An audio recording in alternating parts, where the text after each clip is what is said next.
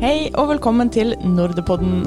Jeg heter Inga, og i dag skal vi snakke om ti databud. De står beskrevet i Bård Stenvik sin nye bok om data, algoritmer og kunstig intelligens, som kom ut i august. Boka heter Det store spillet, og jeg sjøl liker den skikkelig godt, så jeg gleder meg til å snakke med selve forfatteren for å høre historien bak databudene. Vi skal snakke oss gjennom hvert enkelt bud, som vi også har fått med oss Leonora Bergsjø til. Leonora er leder i Norsk råd for digital etikk, som jobber med å ta opp nettopp denne typen temaer i den offentlige debatten.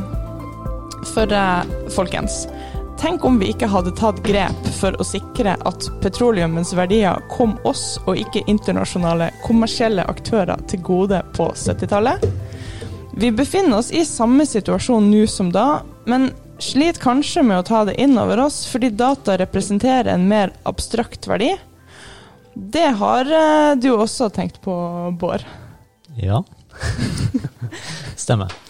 Eh, altså, da jeg begynte å skrive den boka her, så var jeg jo mest opptatt av hva det er som skjer akkurat nå. Eh, og hva er det, betyr det at maskinene skal overta alle jobbene? Hva betyr det for uh, hva slags utdanningsvalg ungene mine må ta? og hva Teknologiselskapene vet om meg, hvordan vil det se ut i framtida? Vil kunstig intelligens bli så smart at den er en fare for oss? Så mye, mye trusselbilde i horisonten. Ja, ikke sant. eh, Ja. Veldig mye det, og veldig mye nåtid og framtid. Men i løpet av prosessen så oppdaga jeg jo at det var ikke sånn at alt det som vi går gjennom nå, er fullstendig nytt på en måte som ikke har noen slags presedens i historien. Eh, så jeg oppdaga at det kan være nyttig å se bakover òg, på forskjellige tidligere teknologiske gjennombrudd, og hvordan vi håndterte dem med større eller mindre hell. Eh, og da var jo en av de tingene som jeg så på, var oljeeventyret i Norge. Og det kom jeg til litt sånn uh, uh, ad omveier, fordi eh, jeg skulle egentlig snakke med Robert Steen, som var finansbyråd i Oslo på det tidspunktet. For at han har starta opp dette Origo-senteret, som skal utvikle digitale løsninger for Oslo kommune.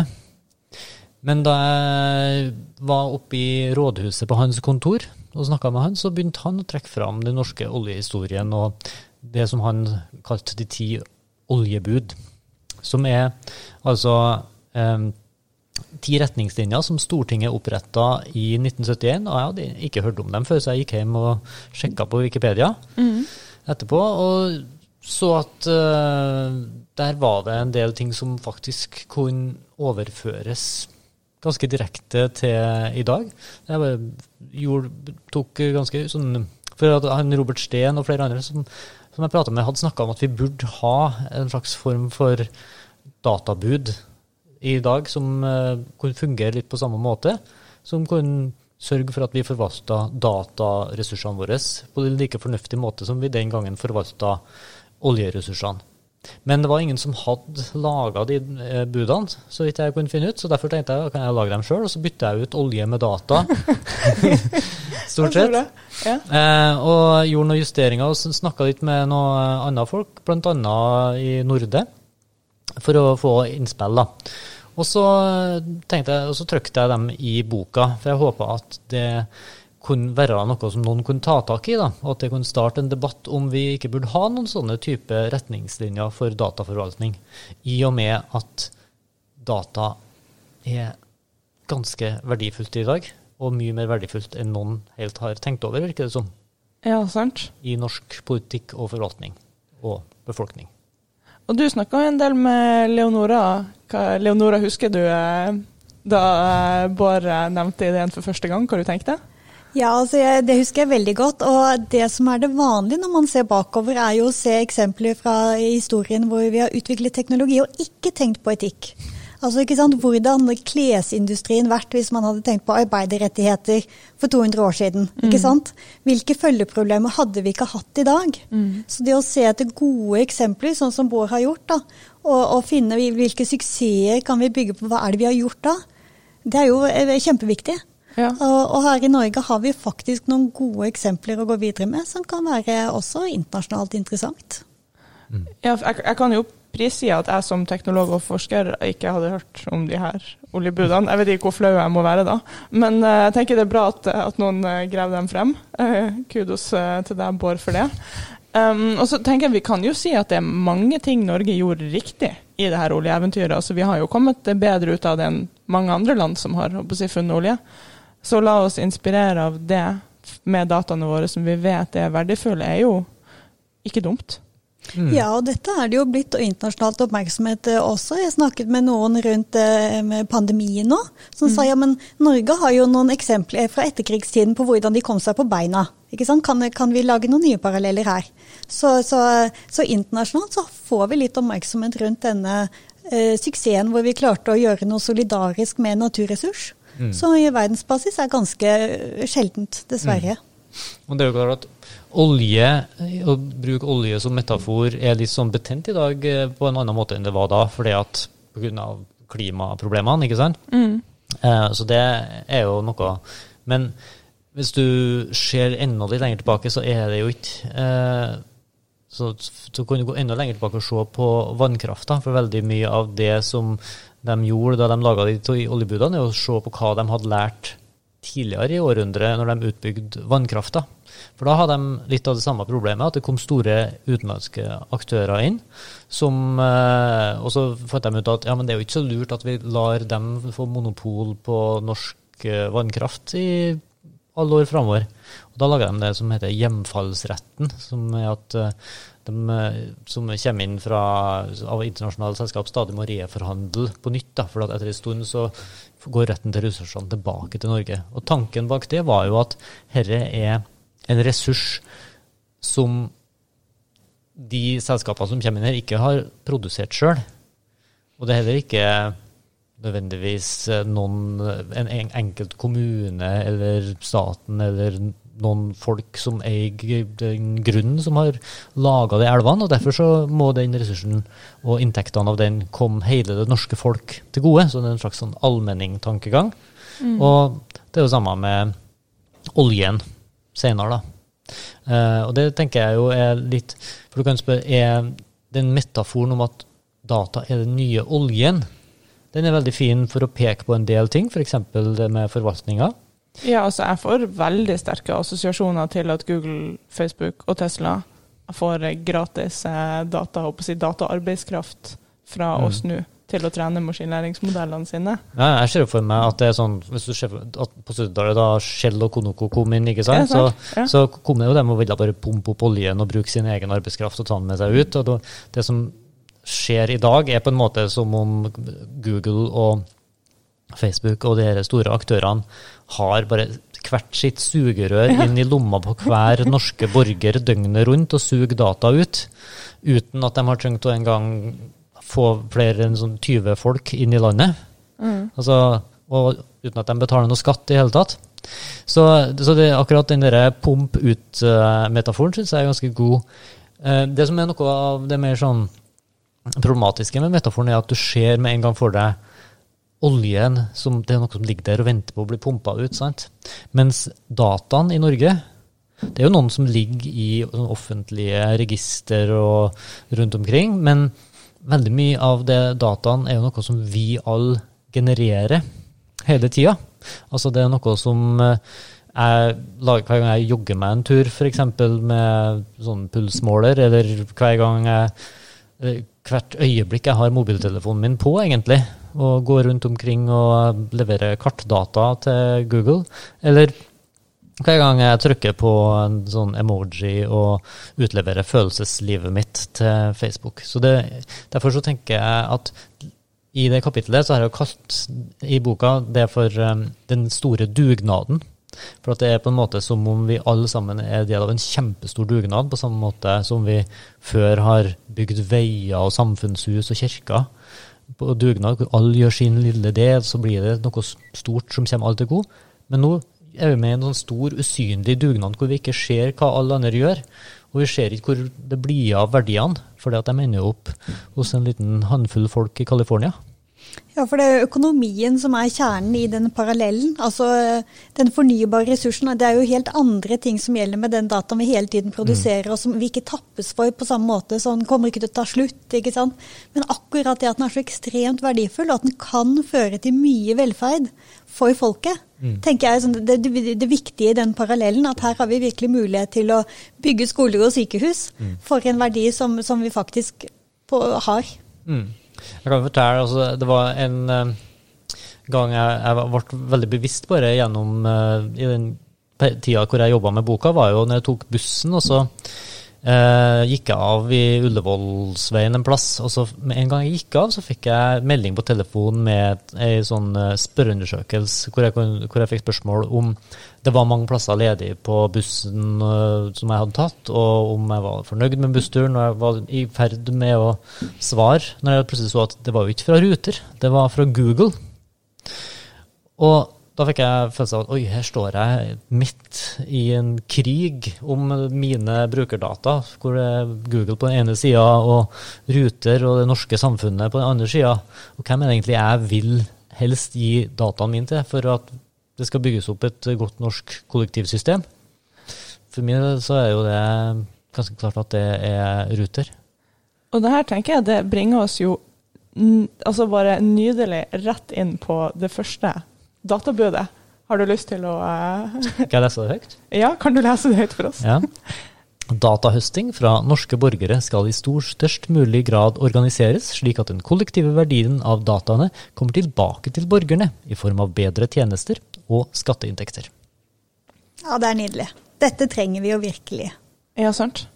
Eh, og når jeg hører sånne setninger som jeg er bare kjempeenig med, så tenker jeg hvorfor gjør vi ikke det allerede?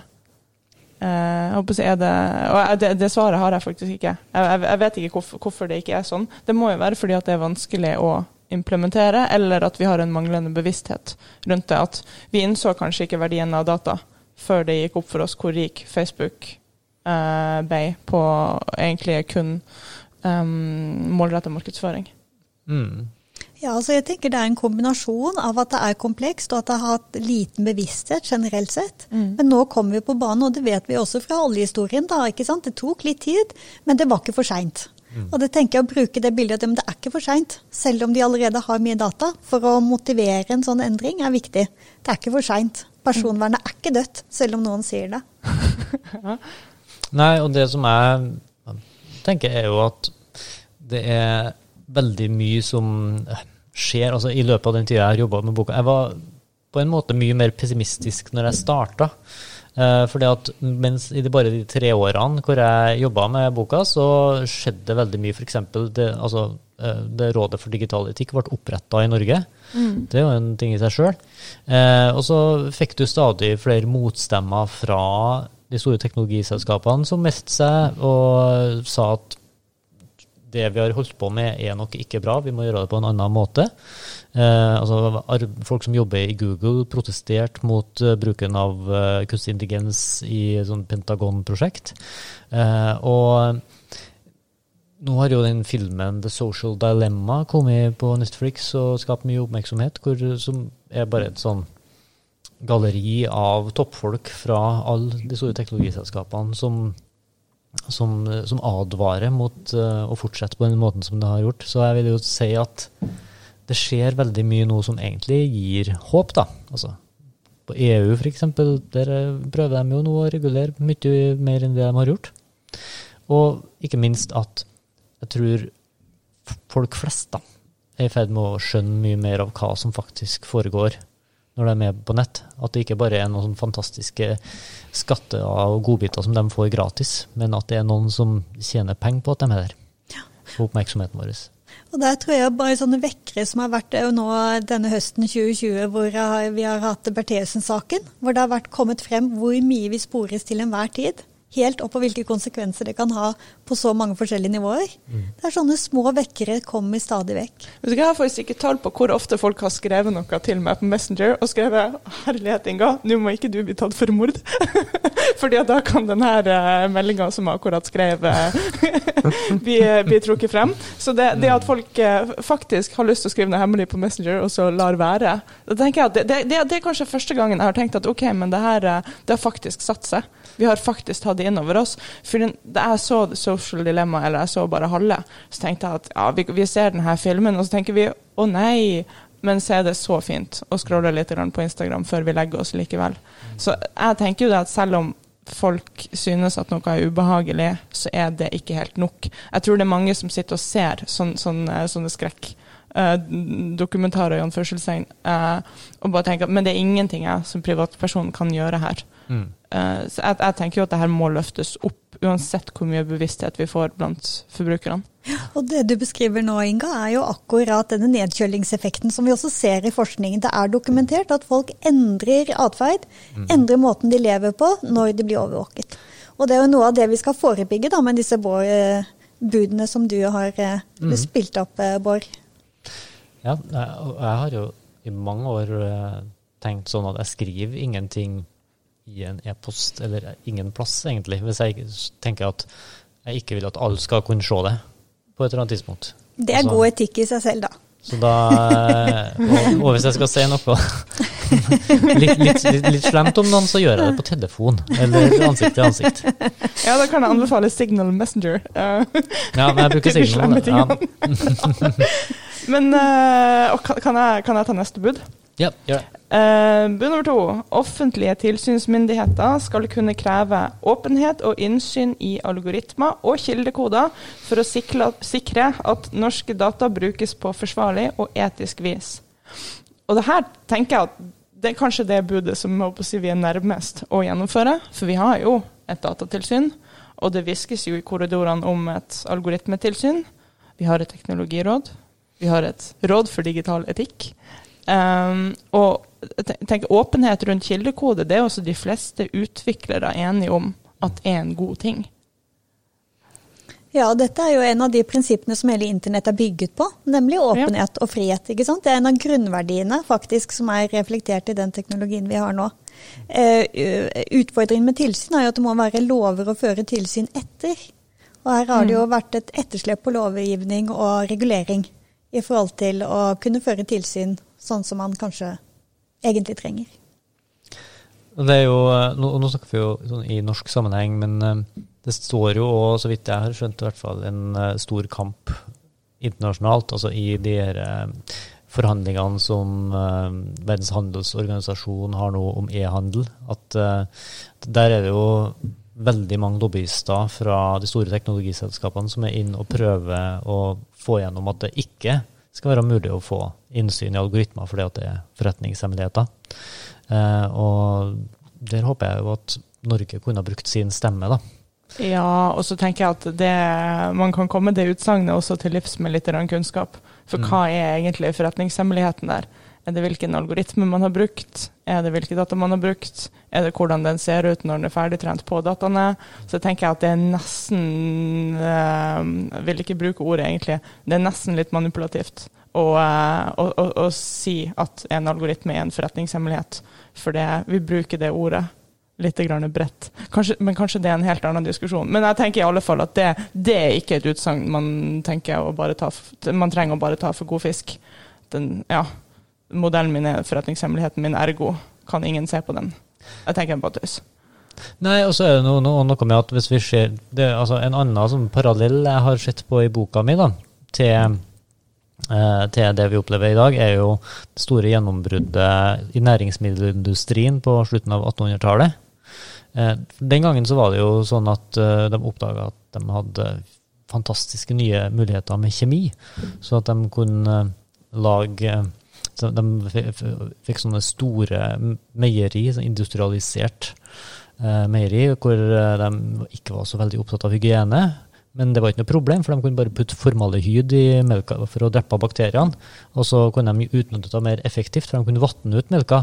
Så kunne de ha oppi kalkpulver, så ble den hvit igjen. Og så solgte de det som eh, frisk milk fra landet i butikken. Og folk ble syke og døde av det. Og, det, og etter hvert så ble det jo så stor folkelig reaksjon på det at du fikk en helt progressiv bevegelse i USA som krevde at vi må få forbrukervernlover. Og da fikk du de første forbrukervernlovene. Og du fikk gjennom det at eh, du må ha en tilsynsmyndighet som kan gå inn og sjekke hva det egentlig er. Er det det samme som står på pakken som er inni? Og er det sunt og tilrådelig for folk at de kan kjøpe disse tingene i butikken? Og så fikk vi parallelt det samme i Norge da, med, nærings, eh, med Mattilsynet. Ja, så, og, mm. ja. og, og det, det, det, hvis du sammenligner med den um, måten det har utviklet seg i dag, da, hvor det er samtykke til forbrukeren som er avgjørende hvis du kjøper en app eller bruker en tjeneste, så er det forutsatt at du skal lese 70 sider med komplisert språk, og så skal du si OK, jeg godtar det her, og alt som følger av det. Hvis du kunne gjort det samme med næringsmiddelindustrien, da, så ville du hatt sånn at hver boks med majones du kjøpte i butikken, så måtte du ha en kjemigrad, og så måtte du sette deg inn i alt, og så måtte du klikke på at du godtok å kjøpe den boksen og ete den, og det er det medført for liv og helse. Men det er jo ikke sånn det fungerer der. Det er ikke, det er ikke, byrden ligger ikke på forbrukeren. Og det syns jeg heller ikke den skal gjøre når det gjelder uh, internett eller apper. Jeg er helt enig, for det er jo faktisk kanskje vanskeligere, siden teknologiutviklinga går såpass mye fortere. At du mm. kanskje trenger mye, mye, større bredde av kompetanse, egentlig, for å skjønne hva som foregår der. Mm. Så er det jo artig å tenke på at uh, Mattilsynet vårt har er det 1300 ansatte? I hvert fall ja. veldig mange ansatte. Ja, så har Datatilsynet vært sånn 60. Ja. At vi, altså Den prioriteringa der tenker jeg henger jo ikke på. Unnskyld. Ja. Leonora, vil du eh, ta bud uh, tre for oss? Det vil jeg. Og det lyder det skal tilstrebes utvikling av norsk næringsutvikling med grunnlag i norske data. Det, ja. Og jeg kan jo si Det henger jo sammen med eh, fire også, for de henger egentlig godt sammen, disse to punktene. Jeg får høre bud fire. Utviklingen av datanæring og infrastruktur må skje under nødvendig hensyn til eksisterende næringsvirksomhet, likhetshensyn og natur- og miljøvern. Er, her, her, er det så klart veldig masse å snakke om. Jeg syns det er helt fantastisk om vi kan nevne eksplisitt natur- og miljøhensyn når vi utvikler akkurat å si, datateknologi. Da må vi jo så klart snakke om datasenter. Uh, Norge er en uh, utrolig bra plass egentlig å ha datasenter hvis vi vil ha datasenter. Det er så klart også en diskusjon. Altså, er det viktig for oss at det ligger eh, en fantasillion uh, petabytes der ute med YouTube-videoer? Altså syns vi det er helt idiotisk?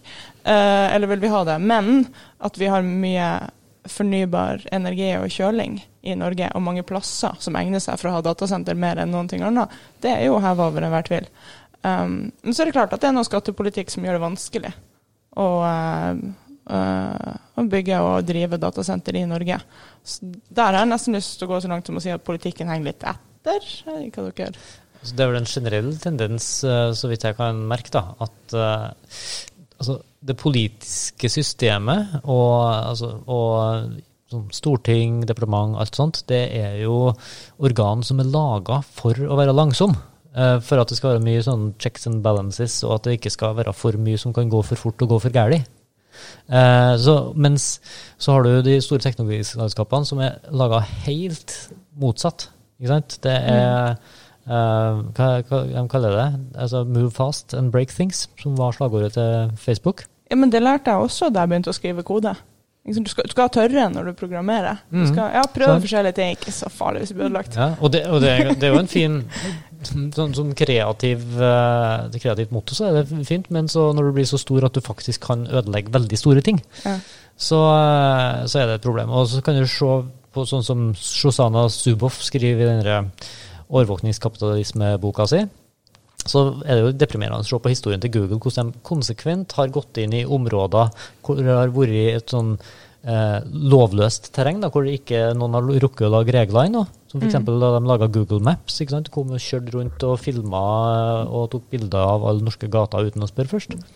Og så har de tatt seg til rette, og så har de, eh, før, at, før myndighetene har rukket å sjekke om det finnes noe presedens og lover og regler som de kan eh, bruke for å stoppe det, så er allerede appen ut, og alle bruker Google Maps og er kjempefornøyd med det, ikke sant? for den er så nyttig, og da er det litt for sent. Mm. Og, det, og, og samme med allerede dataen dataene som de samler inn, som før noen skjønte hvor verdifulle de var.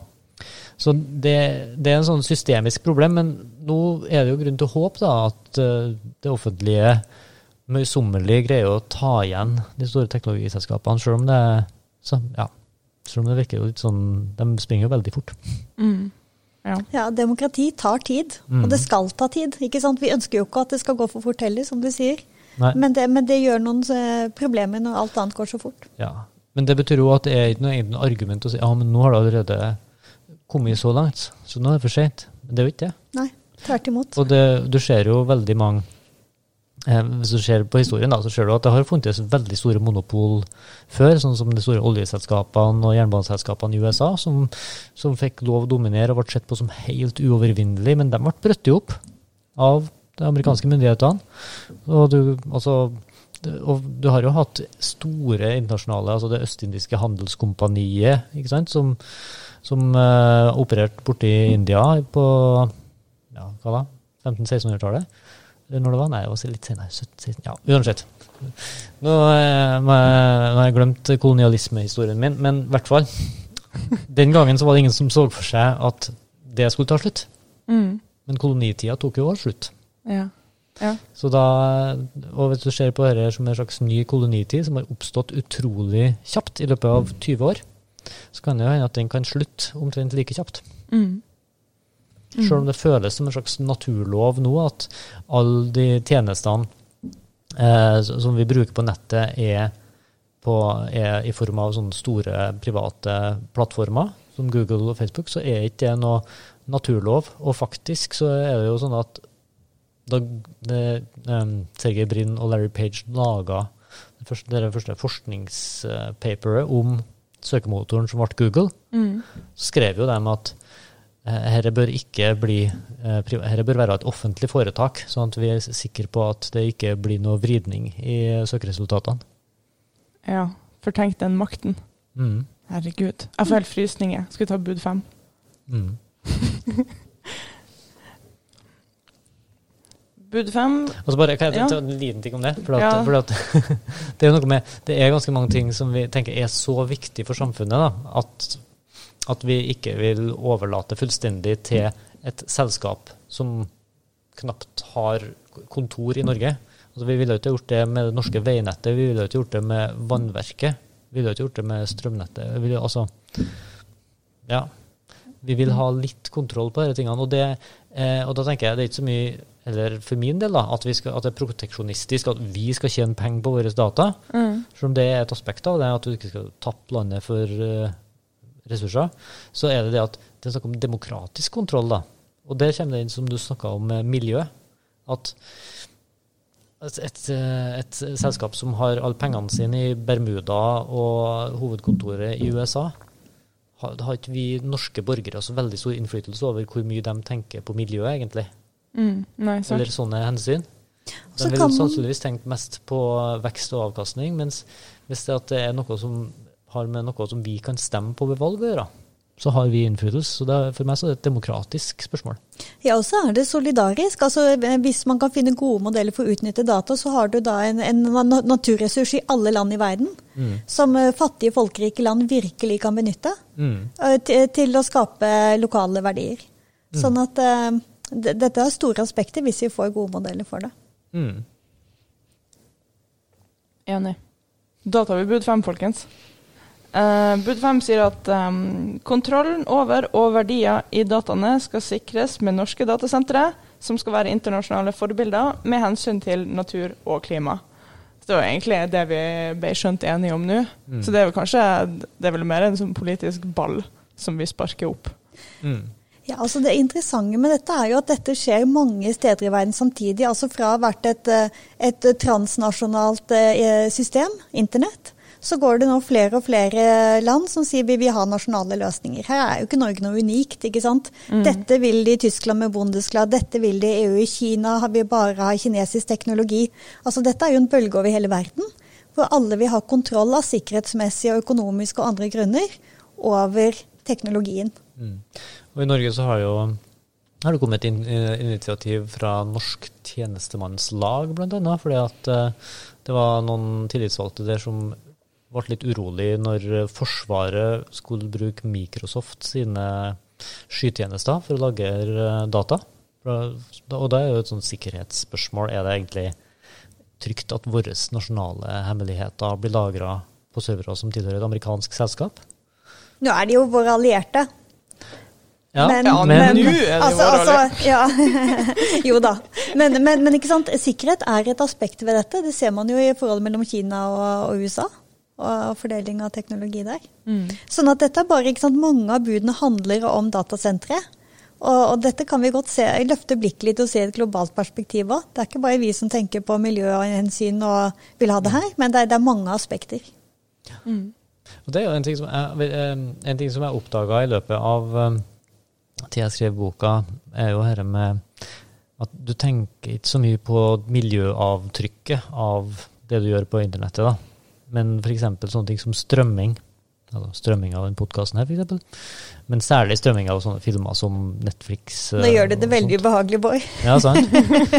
At det har et ganske stort eh, avtrykk. For Det er jo ikke sånn at den filmen kommer fra ingen plass. Den ligger på en server en eller annen plass som krever veldig mye strøm en eller annen plass i verden. Og, eh, og det strømmer altså Nå husker jeg ikke på det var, hva tallene var, men det er noe med at strømming bruker like mye energi som Belgia, eller et eller annet sånt. Altså. Ja, det er noe sånn helt fantastisk. Det er noe utrolig, ja. Jeg husker ikke på detaljene, men det er ganske skremmende. Og det er jo fordi at, vil jeg tro delvis fordi at ingen har helt tenkt på dette før. Altså, nå, her vet dere sikkert mer om de tekniske detaljene, men sånn som f.eks.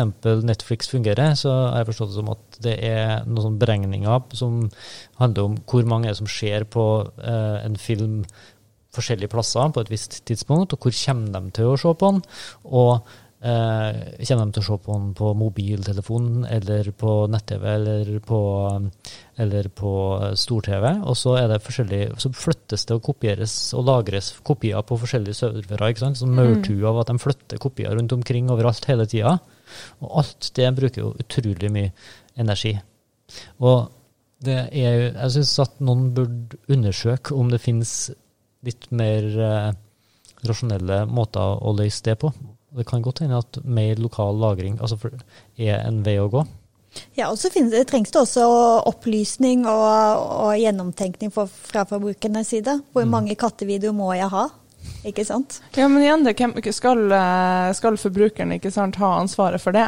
Eller hvor, ja, hvor, hvor sitt ansvar er? For altså, Netflix sitt mål i livet er å, å gi gode brukeropplevelser, sånn at vi fortsetter å se på Netflix. Det er ikke å beskytte miljøet. Det er ikke det, altså. Så det, noen må i så fall gi dem den oppgaven. Ja, mm. og det, det ser vi jo fra før av at det er veldig ofte at industrien sier at ja, eh, altså det er ikke vårt problem, eller de sier ja, men det, det finnes det ingen andre tekniske løsninger for. Sånn var det f.eks. med KFK-gassene, hvis dere husker på, på 80-tallet. Klorfluorkarboner som ødela ozonlaget og ble brukt i frysere og kjøleskap.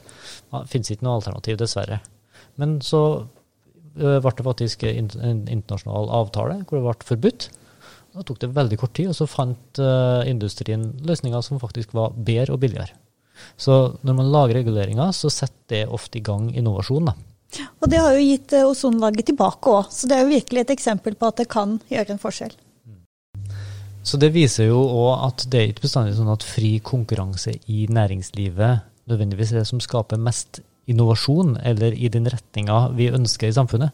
Det kan ofte være sånn at å sette strenge rammer fører til mer oppfinnsomhet. Ja, ikke sant. Jeg kjenner at uh, denne eh, diskusjonen er så spennende at uh, jeg tror nesten vi må si at vi fortsetter den om ei uke og snakker oss gjennom databud seks til ti da så ønsker jeg dere eh, velkommen tilbake om ei uke. Og før vi avslutter, så har jeg så klart lyst til å takke Den norske dataforeningen for at de støtter oss med denne podkasten. Tusen takk for følget. Tusen takk for at jeg fikk komme. Ja, takk for invitasjonen.